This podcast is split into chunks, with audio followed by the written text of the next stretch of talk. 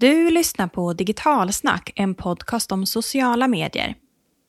I det här avsnittet ger vi tre taktiska tips för att bygga varumärke med sociala medier.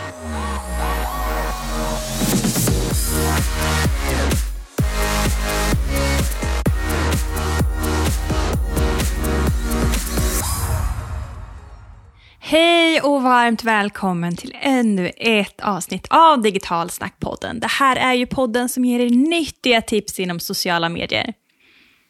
Ja, och idag så ska vi prata om ett ganska brett ämne, nämligen att bygga varumärke med sociala medier. Det här finns många rätt och fel sätt att göra på och vi ska kika närmare på hur man gör det på absolut bästa sättet.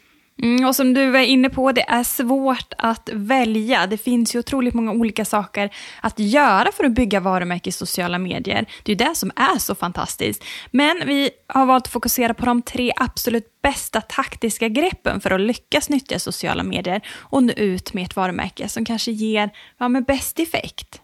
Så dels ska vi prata om också varför man måste bygga varumärke i sociala medier innan vi går in på alla de här taktiska tipsen. Och som vanligt är rösterna du hör en från mig och en från Jenny. Och mm. vi driver Digital Snack social mediebyrå som är en fullservicebyrå inom sociala medier. Och vi brukar ju ge en så här, sitter du här och lyssnar igen och inte mm. har mejlat oss än. Vi hjälper ju till med allt inom sociala medier. Jag och Jenny är ju fullblodsexperter på sociala medier och är ganska duktiga på ganska mycket. Men sen har vi ju superexperter inom Digital Snack. Video kring sociala medier och göra det är inte vi bäst på men någon annan på Digitalsnack är. Annonsering Precis. i sociala medier. Så att Fullservicebyrån och sociala medier innebär att vi är experter på sociala medier inom många, många olika delar. Så har du fastnat inom sociala medier, hör av dig till oss. Vi kan säkerligen hjälpa dig. Och häng med oss också digitalt, missa ingenting kring sociala medier och vad vi har på gång genom att signa upp dig på vårt nyhetsbrev. Och det gör du på digitalsnack.se, så där kommer du hitta ett fält du kan fylla i din e-postadress och så får du varje vecka nästan, eller åtminstone varannan vecka, information om vad som händer inom social medievärlden och eventuella nya poddavsnitt som kommer ut också.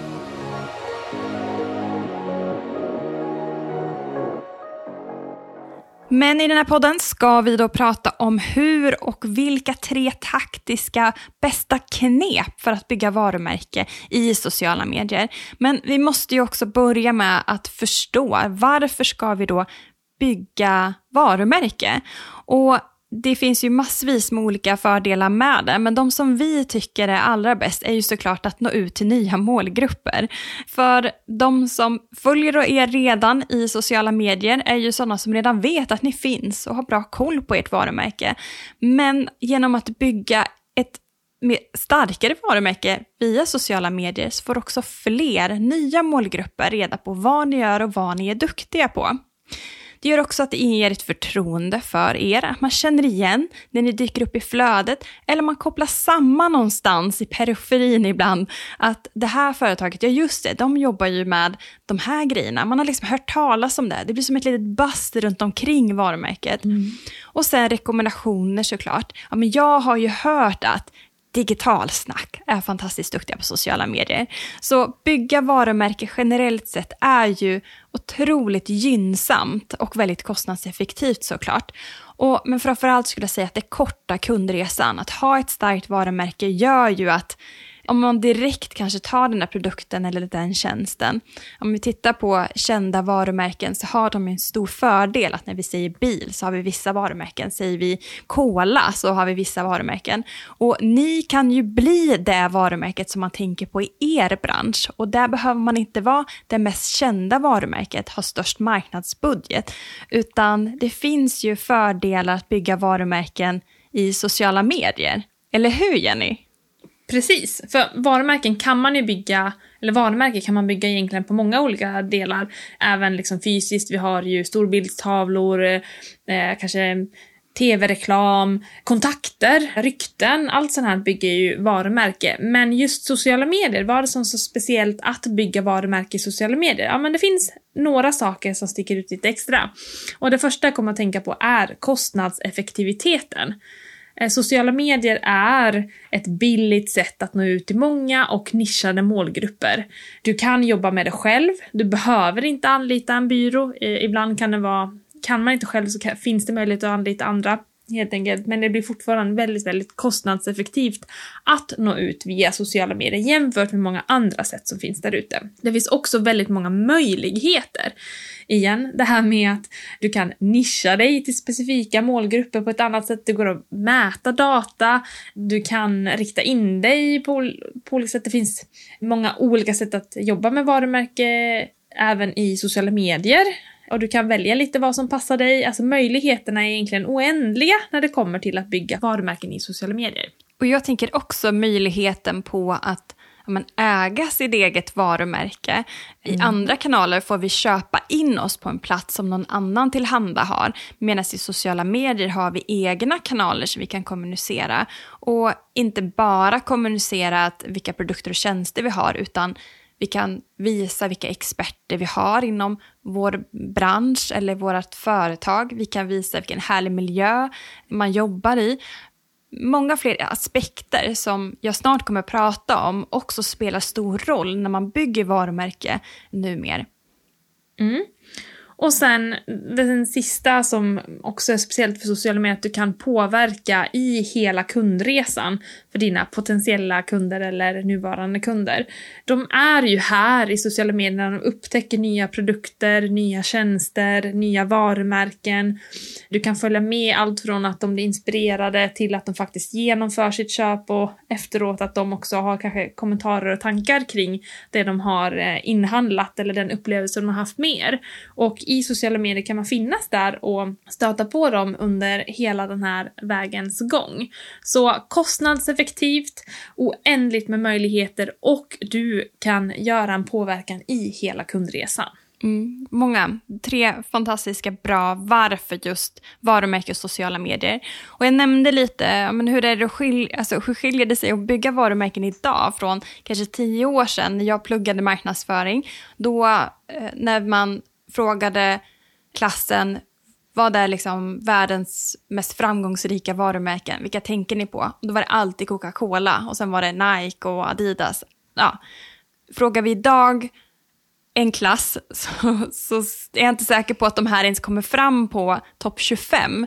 Utan det är helt andra varumärken som man pratar om. Och varför är det så idag? Jo, vi förknippar idag varumärken med kanske mer än en grafisk profil eller en catchy låt, utan det behöver ha någon mer substans. Det som jag pratade om, att man behöver visa mer kring varumärken. Vad är det man står för? Vilken värdegrund har man? Jobbar man hårt för hållbarhet? Vad är det som sticker ut runt varumärken? Inte bara den visuella delen, utan faktiskt det runt omkring. Vilka personer?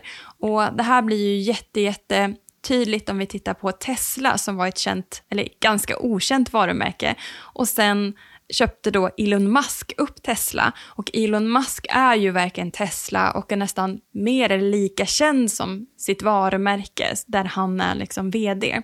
Och det är ett typexempel på att vi också vill ha en äkthet bakom varumärken. Vilka finns där bakom som står upp för varumärket och också identifierar sig med företagets produkter eller tjänster eller organisationen för den delen.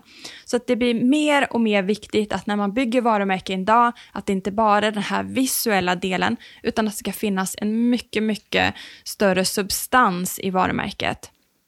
Sen tycker jag en, en ytterligare grej som man kan tänka på jämfört med förr och nu om man tänker Coca-Cola och de här stora varumärkena som oftast också hade en enorm budget för att bygga varumärke för att synas i de här dyra kanalerna, det ena och det andra. Och det man kan göra idag är att man kan vara en liten aktör och bygga varumärke ja, men, kostnadseffektivt hos den nischade målet man vill nå ut till. Och det här ger ju möjligheter till att det måste inte vara eh, en stor aktör. Dock är det kanske lite svårare, för nu krävs det genuinitet. Det räcker inte med pengar att göra det här. Så på ett sätt är det enklare för att alla kan göra det, men det är svårare för det krävs lite mer för att slå igenom. Men när du slår igenom så slår du igenom mycket, mycket bättre och större. Och ett jättetypexempel på det du pratar om nu, Jenny, är ju TikTok.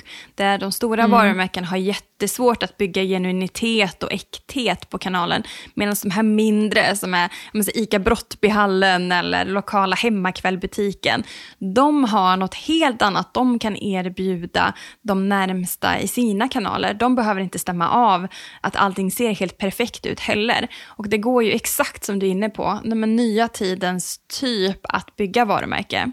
Men vi ska komma in på våra tre bästa taktiska tips. Och det första, även om det säger emot lite vad jag är inne på, att det krävs mm. mer än en grafisk profil, så är ändå den visuella identiteten där man måste börja. För någonstans måste vi etablera ett varumärke i liksom järnbalken för att vi ska ha en chans i flödet. För när vi scrollar vårt ändlösa scrollflöde eller story så måste vi kunna uppfatta vart ifrån det här innehållet som dyker upp i mitt flöde faktiskt, faktiskt är från. Det måste finnas en igenkänningsfaktor. Mm. Och vi kan kolla på oss som exempel, alltså oss på Digitalsnack. Det är sällan vi lägger ut loggan egentligen på så många ställen, för vi har någonting annat som är visuellt synligt och igenkänningbart. Vi har vårt polymönster. Så genom att använda det här mönstret eller delar av mönstret på olika ställen, framför i bilder eller på Eh, ja, men vi har det ibland på tryckta material också, eller vi använder färgen på kläder, så blir det en igenkänningsfaktor i allting som vi gör. Så det här polymönstret hänger ihop i även innehållsmallar som vi bygger, för att vi på enkelt sätt ska kunna skapa effektivt innehåll för sociala medier.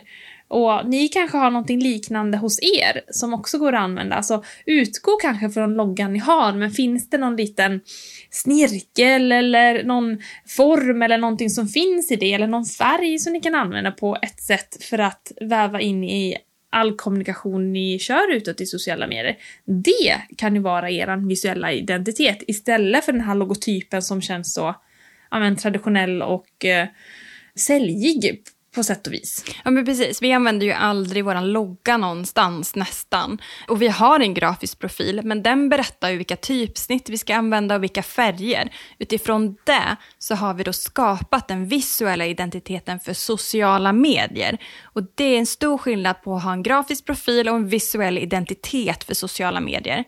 Så kolla gärna in vårt, exempelvis vårt Instagram-flöde. Där har ni då ett ganska bra exempel på hur en visuell identitet ser ut. Men även om man kanske inte har den här väldigt grafisk visuella identiteten som vi har, då ska man även tänka till att ha visuella identiteten i exempelvis foton. Att även de har en igenkänningsfaktor. Exempelvis återigen plocka in den här grafiska profilen. Vilka färger säger den att vi ska ha? Är det orange? Eller som vi har, ja, med rosa och lila. Ja, men då har alla på digitalsnacksbilder någon kopp som är rosa eller någon blus som är lila. Just för att liksom gå in med det här temat, igenkänningsfaktorn, oavsett om det är ett foto eller om det är en grafisk eh, bild som vi lägger upp, så ska igenkänningsfaktorn, att den kommer från digitalsnack, vara densamma.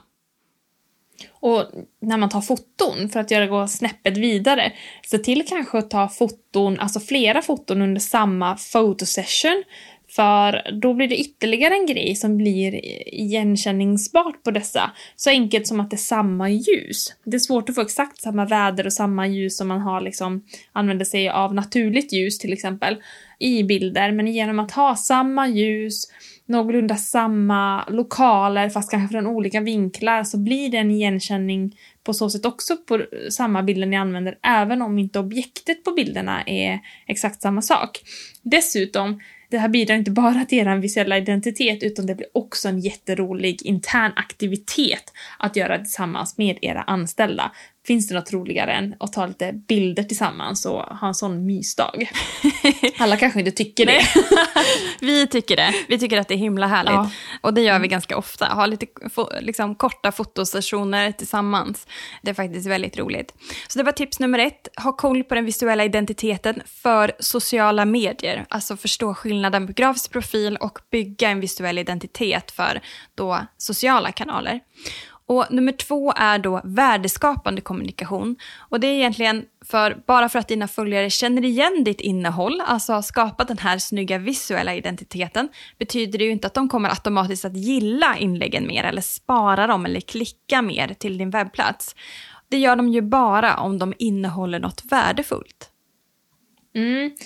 Och har man inte det här värdefulla så kan det faktiskt inte bara det att ni inte får någon nytta av det, utan det kan också skapa lite badwill. För kommer du ut med innehåll som man faktiskt inte bara inte känner något positivt för, utan dessutom känner att nej men det här var ingenting som jag tyckte om, eller det här var ingenting som eh, men, går hand i hand med, med vad jag vill ha i mitt flöde. Då kan det bli också någonting negativt. Och det kan också bli något negativt om man kanske missförstår vem avsändaren är. Så här kommer också lite den här visuella identiteten in, så att ibland behöver man kunna vara tydlig också med vem avsändaren är, att det behöver bli tydligt, för annars kan också ha en negativ effekt om man inte riktigt förstår vad det är man ser. Man kanske trodde att det var ett annat varumärke som kom med innehållet och så, så blir det som en promotion till din konkurrent istället. Mm. Det vill ju ingen vara med om. Mm.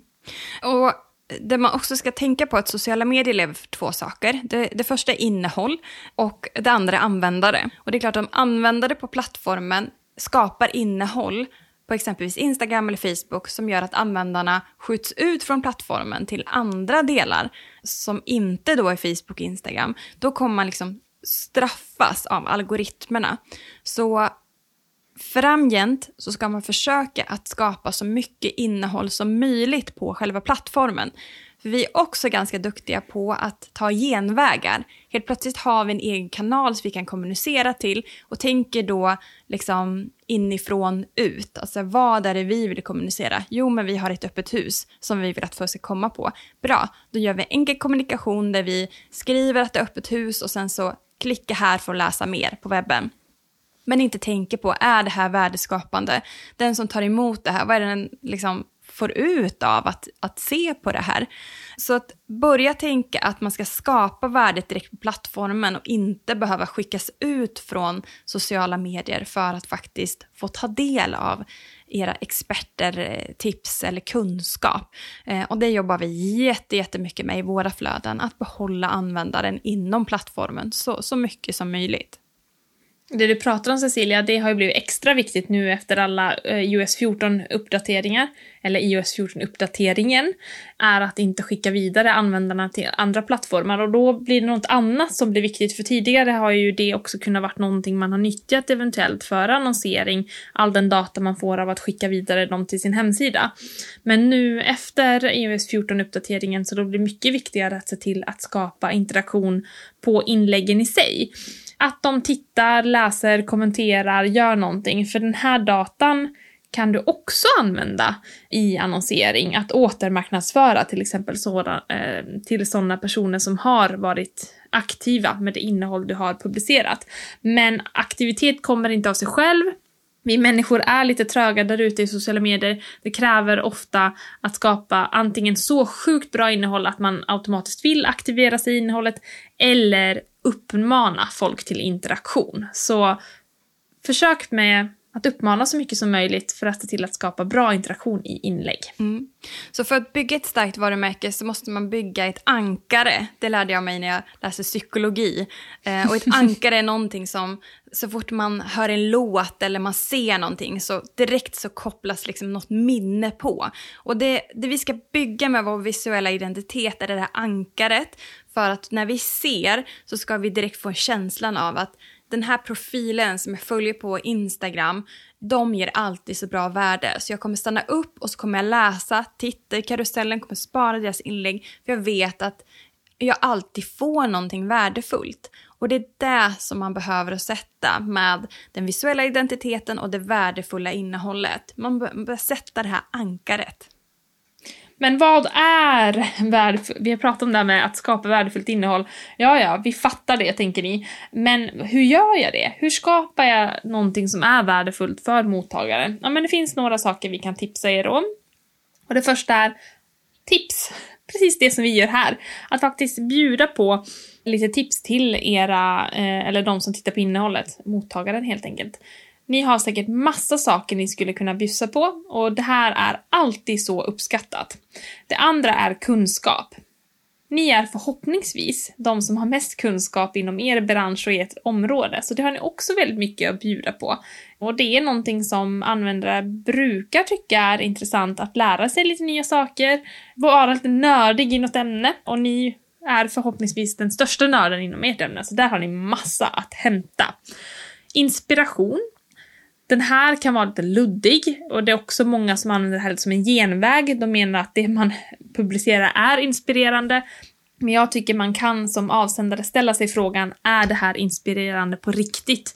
Eller försöker jag bara ljuga för mig själv och placera det här i inspirationskategorin?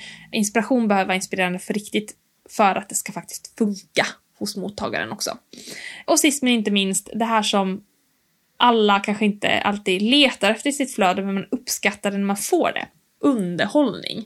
Att skratta är ju alltid kul. Och då har man verkligen nått fram om mottagaren får ett litet haha när man tittar något eller ler upp när man kollar på innehållet. Då, då har man lyckats nå igenom. Så ett eh, litet haha, ett aha eller ett ah de tre kanske man kan satsa på för att se till att få skapa värdefull kommunikation i sociala medier. Mm, bra sammanfattat. Och för oss handlar det ju om att skapa också kanalspecifika smarta tips och tricks. För det här är ju liksom generella. Men då kanske man har tips som är enbart för, ja men vad är ett smart eh, hack på, på Instagram? Vad är ett smart hack för, för LinkedIn? Och sen också dela upp dem kanalspecifikt för att ge också ännu, ännu extra värdefull kommunikation.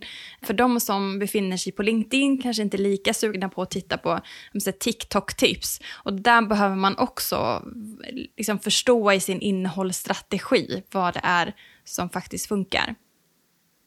Ni lyssnade kanske tidigare har publicerat en del blogginlägg. De här är också bra att använda sig av för att bjuda på värde. Och då menar jag inte så man förr gjorde, att man länkar vidare. Man skriver någonting och läs mer och så länkar man vidare till webben för att kunna läsa av det här. Utan snuttifiera era blogginlägg till minidelar, alltså miniinlägg på Instagram eller Facebook och se till att ge värdet direkt på kanalen. Alltså återberätta det som redan ni har berättat i blogginlägget utan att länka vidare. Och på ett blogginlägg har ni säkert, eller en artikelsida eller vad ni nu kallar det på era hemsidor, har ni säkert flera inlägg ni kan eh, få ut av ett sådant. Så se till att återanvända det material ni har utan då att länka vidare till själva sidan. Mm. Och vi kanske inte har Elon Musk hos oss, men vi har ju fantastiska medarbetare som har en otrolig kunskap inom olika områden inom sociala medier. Och de gör ju också en stor del att sprida och bygga varumärket på sociala medier. För i våra kanaler, Digitalsnacks kanaler, så är vi väldigt generella. Det är så här, så här lyckas du med sociala medier. Men i våra olika privata flöden, där kan vi inspirera mer och vara mer riktade till nischade målgrupper. Och det gör att även om vi är ganska nischade på Digitalsnack med liksom ämnet sociala medier, så finns det inom bara den branschen, det området, så många som vill ha ännu mer nischade, som älskar bara rörligt eller älskar copy eller älskar liksom annonsering. Ja, annonsering, där säger någonting. Till exempel Fanny hos oss, hon brukar ju ge tips om annonsering på LinkedIn. Så ni har de här experterna hos er, nyttja dem. Och sen har vi det tredje tipset som är kanske det tråkigaste, men det, ja, det, alla de här är viktiga. Men kontinuitet. Ingen kommer ju tyvärr sakna dig om du slutar posta saker på sociala medier, det är tyvärr sant. Men du kommer heller inte få någon effekt av sociala medier om man postar någon gång då och då eller att det är långa uppehåll. Det gör att återigen man kommunicerar på sina egna bevåg och inte tänker på mottagaren. Nu kommer vi till sådana delar som jag tycker om, statistik. Vi ska bjuda på lite siffror här. En ny undersökning har visat att den största räckvidden får du faktiskt genom att skapa 14 till 20 inlägg per vecka. En vecka har sju dagar. Så att skapa 14 till 20 inlägg, det innebär att du ska skapa minst två inlägg per dag för att eh, få den allra största räckvidden. Och det här har ju dels med att göra att, att dina, alltså det är så hög konkurrens i sociala medier så att det är omöjligt att nå fram till alla följare och så vidare om man postar färre inlägg än så. Och det man kan tänka på är ju att inom plattformarna så kan vi ju producera poster på flera olika ställen. Och det i sig gör ju att det finns otroligt många olika platser idag att, att producera innehåll. Vi är liksom bara på Instagram har vi stories, flödet, reels, IGTV. Då har vi liksom fyra olika tillfällen att producera innehåll. Så 14 till 20 poster kanske först låter mycket, men sen när man bryter ner det är det faktiskt inte så himla mycket. Och sen tänker jag också på hur många olika kanaler alltså mediekanaler har vi idag som kan skryta med att kunna leverera eller att man kan ta del av värdeskapande innehåll två, tre gånger om dagen. Det är ganska häftigt. Ja, men en tidning kanske man läser en gång på morgonen, men mm. tänk att få riktigt alltså, bra kunskap eller underhållning i flödet flera gånger per dag från ett och samma varumärken. Det, våra lyssnare, det skapar varumärke om något och tänk lägga till räckviddsannonsering på det, äh, men då börjar vi prata om vilka alltså, stora chanser till att bygga varumärke i kombination med organiskt. Och sen den här räckviddsannonseringen som du kan peka ut då till de målgrupper som ja, men, passar dig allra, allra bäst. Ja, två saker som passar perfekt ihop. Mm. Men för att göra allt det här så krävs det kanske att vara väldigt konsekvent och med att planera och vara strategisk. Det här brukar vi säga att A och O. Planerar man inte och är man inte strategisk så får man aldrig tiden att räcka till och man får inte heller effekt i sina eh, kanaler. Så se till att göra en plan för innehållet ni vill publicera. Ni kan fundera på olika ämneskategorier som ni kan tänka att era målgrupp kanske tycker är intressantast. Ta lite inspiration av vad ni har publicerat tidigare. Finns det någonting som är, alltså står ut som att vara mer populärt hos era följare eller, eller mindre populärt?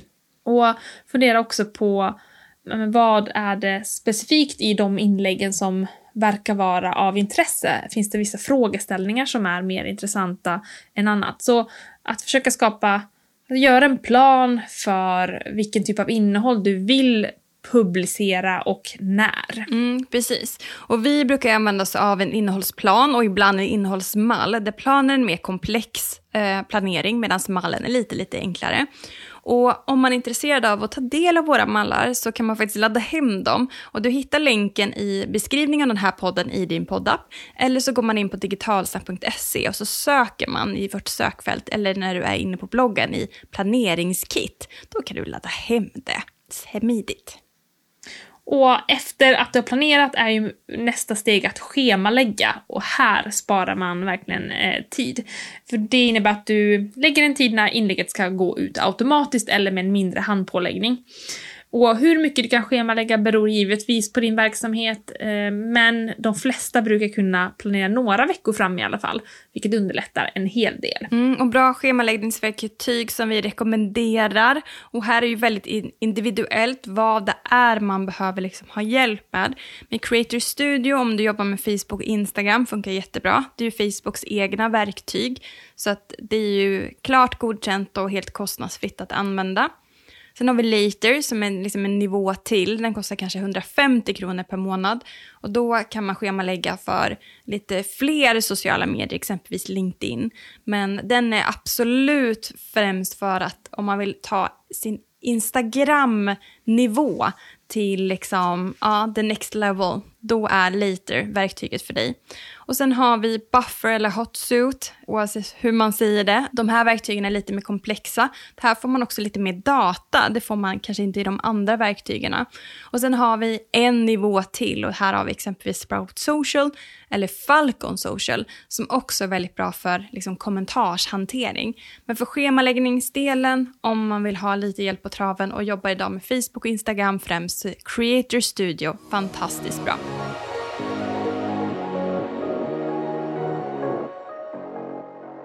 Att bygga varumärken med hjälp av sociala medier är alltså helt, helt fantastiskt. För det är kostnadseffektivt som ingenting annat. Eh, det finns möjligheter för alla att göra det och du kan dessutom påverka i hela kundresan. Men för att kunna göra det här på ett bra sätt så behöver du ha en riktigt tydlig identitet så att dina följare och nya personer du når ut känner igen dig. Och du måste skapa innehåll som faktiskt ger ett stort värde till mottagaren. Och var konsekvent i din kommunikation och personlig. Och ännu bättre om du kan få dina medarbetare inom organisationen att lyfta varumärket till nya höjder och till andra målgrupper.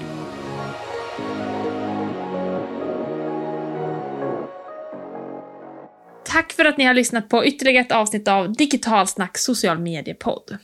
Gillar du det här avsnittet så får du gärna sprida orten och tipsa i era flöden. Tack och hej!